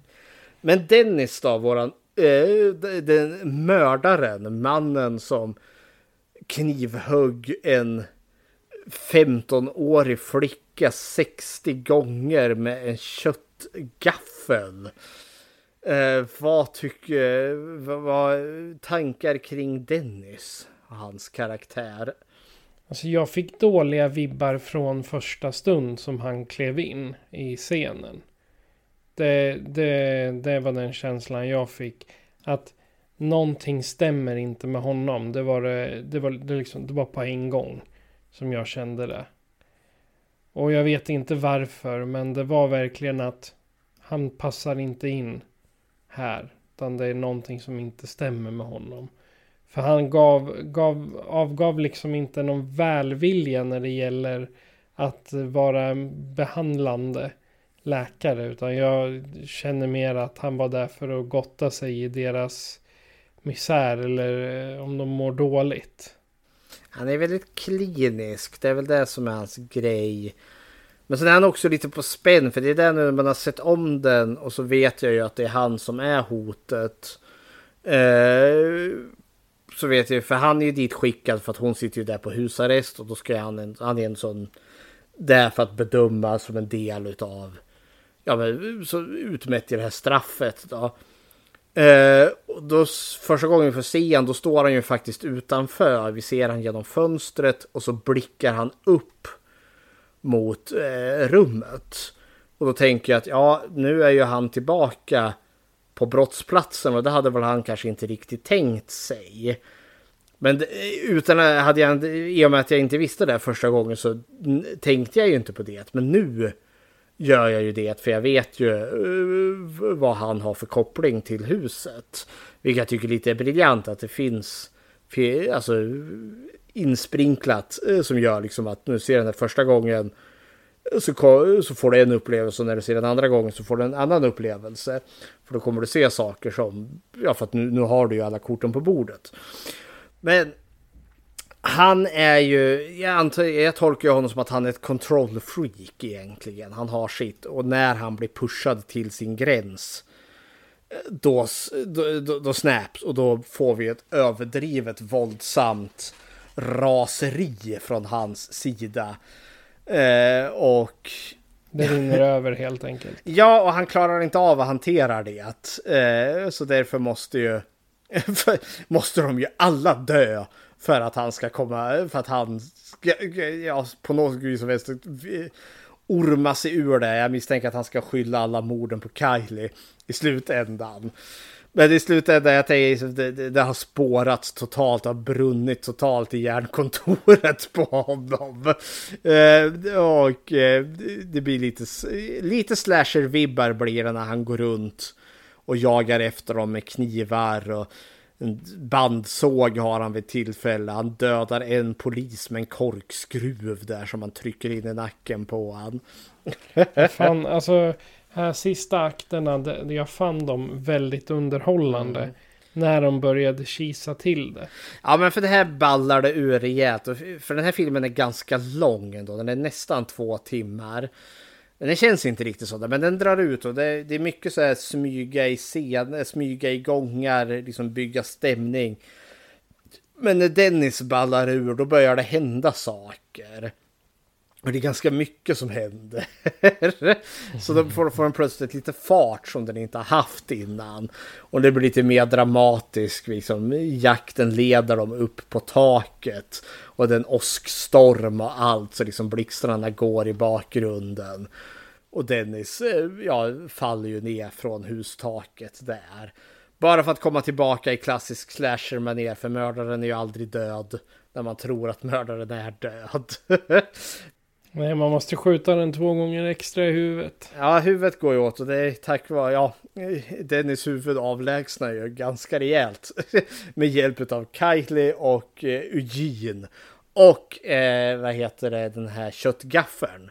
Så jag tänker så det blir liksom som en koppling till det mordvapnet han använde. Så hon, eh, Elisabeth eh, Chalmers där, får lite sin hämnd i slutändan i alla fall. Och där måste jag erkänna, för den här filmen är ganska blodfattig ändå. Eh, den är, det är ingen gårfest. Men när det väl blir går, då blir det där. För Dennis huvud avlägsnar ju från kroppen. Det är ett spektakulärt glorious slutstrid eh, det här. Jag tänker det är ju skönt att de, eh, att de snabbspolar typ där.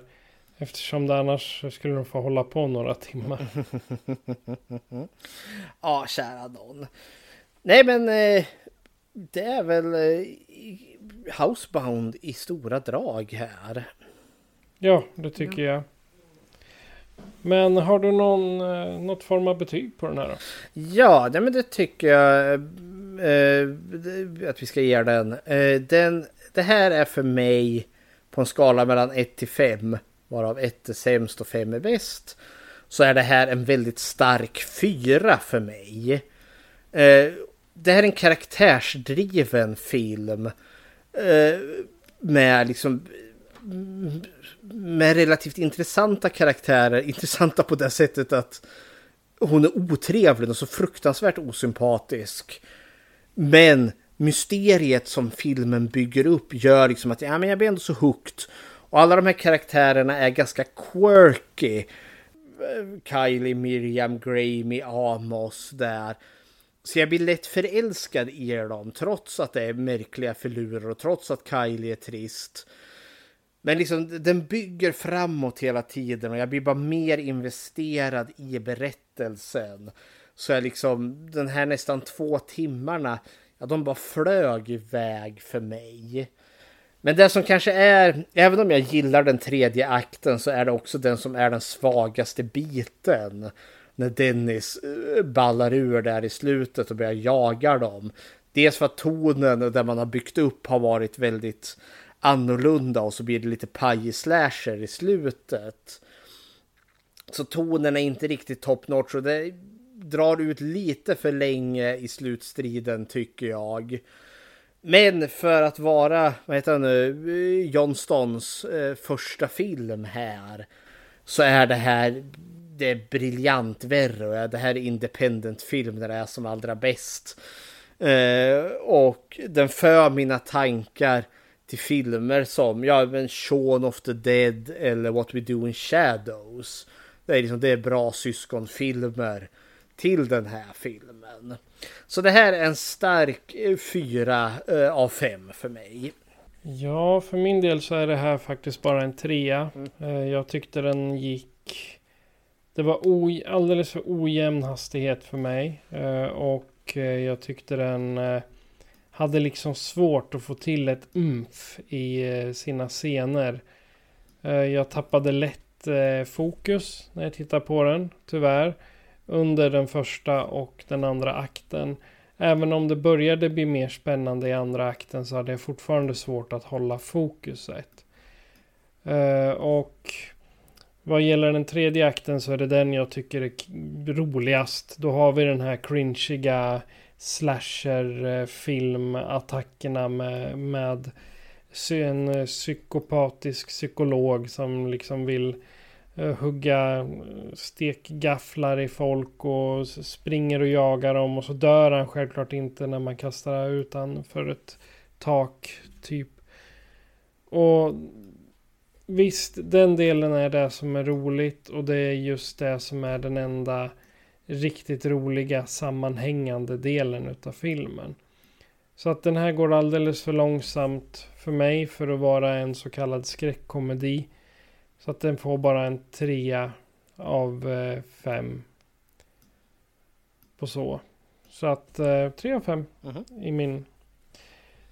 Och har du gjort något Bechteltest på den här? Jajamensan. Eh, och det är vi för den här tesen om kvinnlig representation i film och att skräck är den som eh, klarar det här bäst.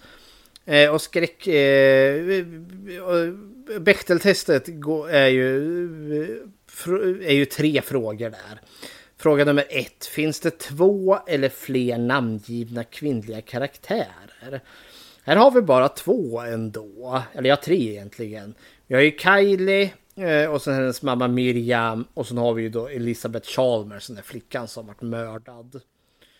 Eh, två, möter de någonsin varandra? Ja, Kylie och Miriam möter ju varandra. Men Elisabeth hon finns bara med som ja, i en flashback där. Men tre då, eh, om de möter varandra pratar de då någonting annat än män? Ja, det har ganska många sådana scener, exempelvis den här med eh, köttfärspajen eller köttfärslimpan exempelvis där. Där de pratar om allt möjligt och sen de pratar om spöken och eh, allt vad det är. Så den här filmen eh, klarar Bechteltestet lekande lätt.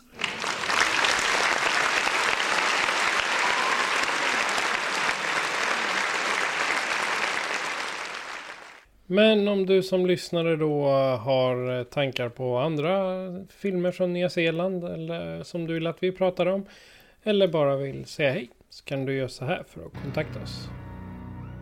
Skräckfilmscirkeln presenteras av Patrik Norén och Fredrik Rosengren. Produktion FPN Productions. Besök skräckfilmscirkeln.com för att hitta var du kan lyssna på oss, hur du kan stödja oss och hur du kan kontakta oss. Vill du diskutera filmerna i avsnitten är du välkommen att gå med i gruppen Skräckfilmscirkeln Eftersnack på Facebook. Tack för att du lyssnar.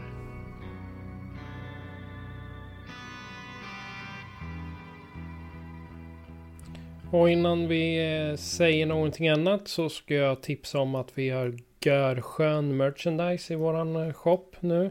Lite muggar, lite tröjor och varför inte ett skrivblock. Så kolla in där, det finns länkar i beskrivningen till det här avsnittet. Fredrik, vad ska vi se på nästa gång? Jo, nej men då ska vi ta en titt på en genre som brukar kallas för backwood horror. Eh, och eh, ja, vad det nu innebär. Men vi ska ta en titt på en eh, eh obskyr film som är väl en riktig en kultis. Eh, från 1977. En kanadensisk sak som då heter Rituals. Så en liten blick på Backwood Horror och sen Rituals. Det är ju awesome. Den, den filmen har jag till känsla för. Och så den kommer bli väldigt intressant att prata om. Mm -hmm. Men vi har inte sådär jättemycket kvar att säga för den här gången. Så uh, vi har egentligen bara kvar att säga att uh, jag heter Patrik. Och jag heter Fredrik. Du har lyssnat på Skräckfilmscirkeln. Adjö på er. Adjöken.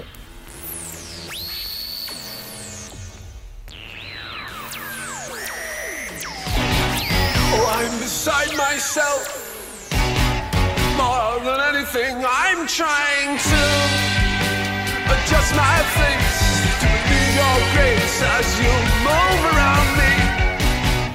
And when I start to scream, I'm really calling to you. And I don't want to stop. I'm really bleeding for you. Goodbye, angel. Yes, there's blood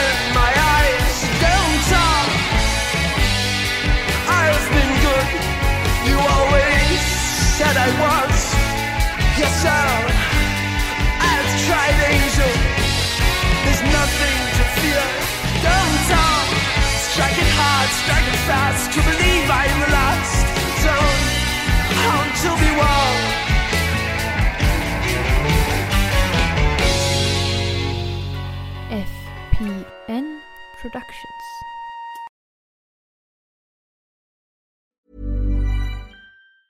Planning for your next trip? Elevate your travel style with Quince. Quince has all the jet setting essentials you'll want for your next getaway, like European linen, premium luggage options, buttery soft Italian leather bags, and so much more. And is all priced at 50 to 80% less than similar brands. Plus, Quince only works with factories that use safe and ethical manufacturing practices. Pack your bags with high-quality essentials you'll be wearing for vacations to come with Quince. Go to quince.com/pack for free shipping and 365-day returns.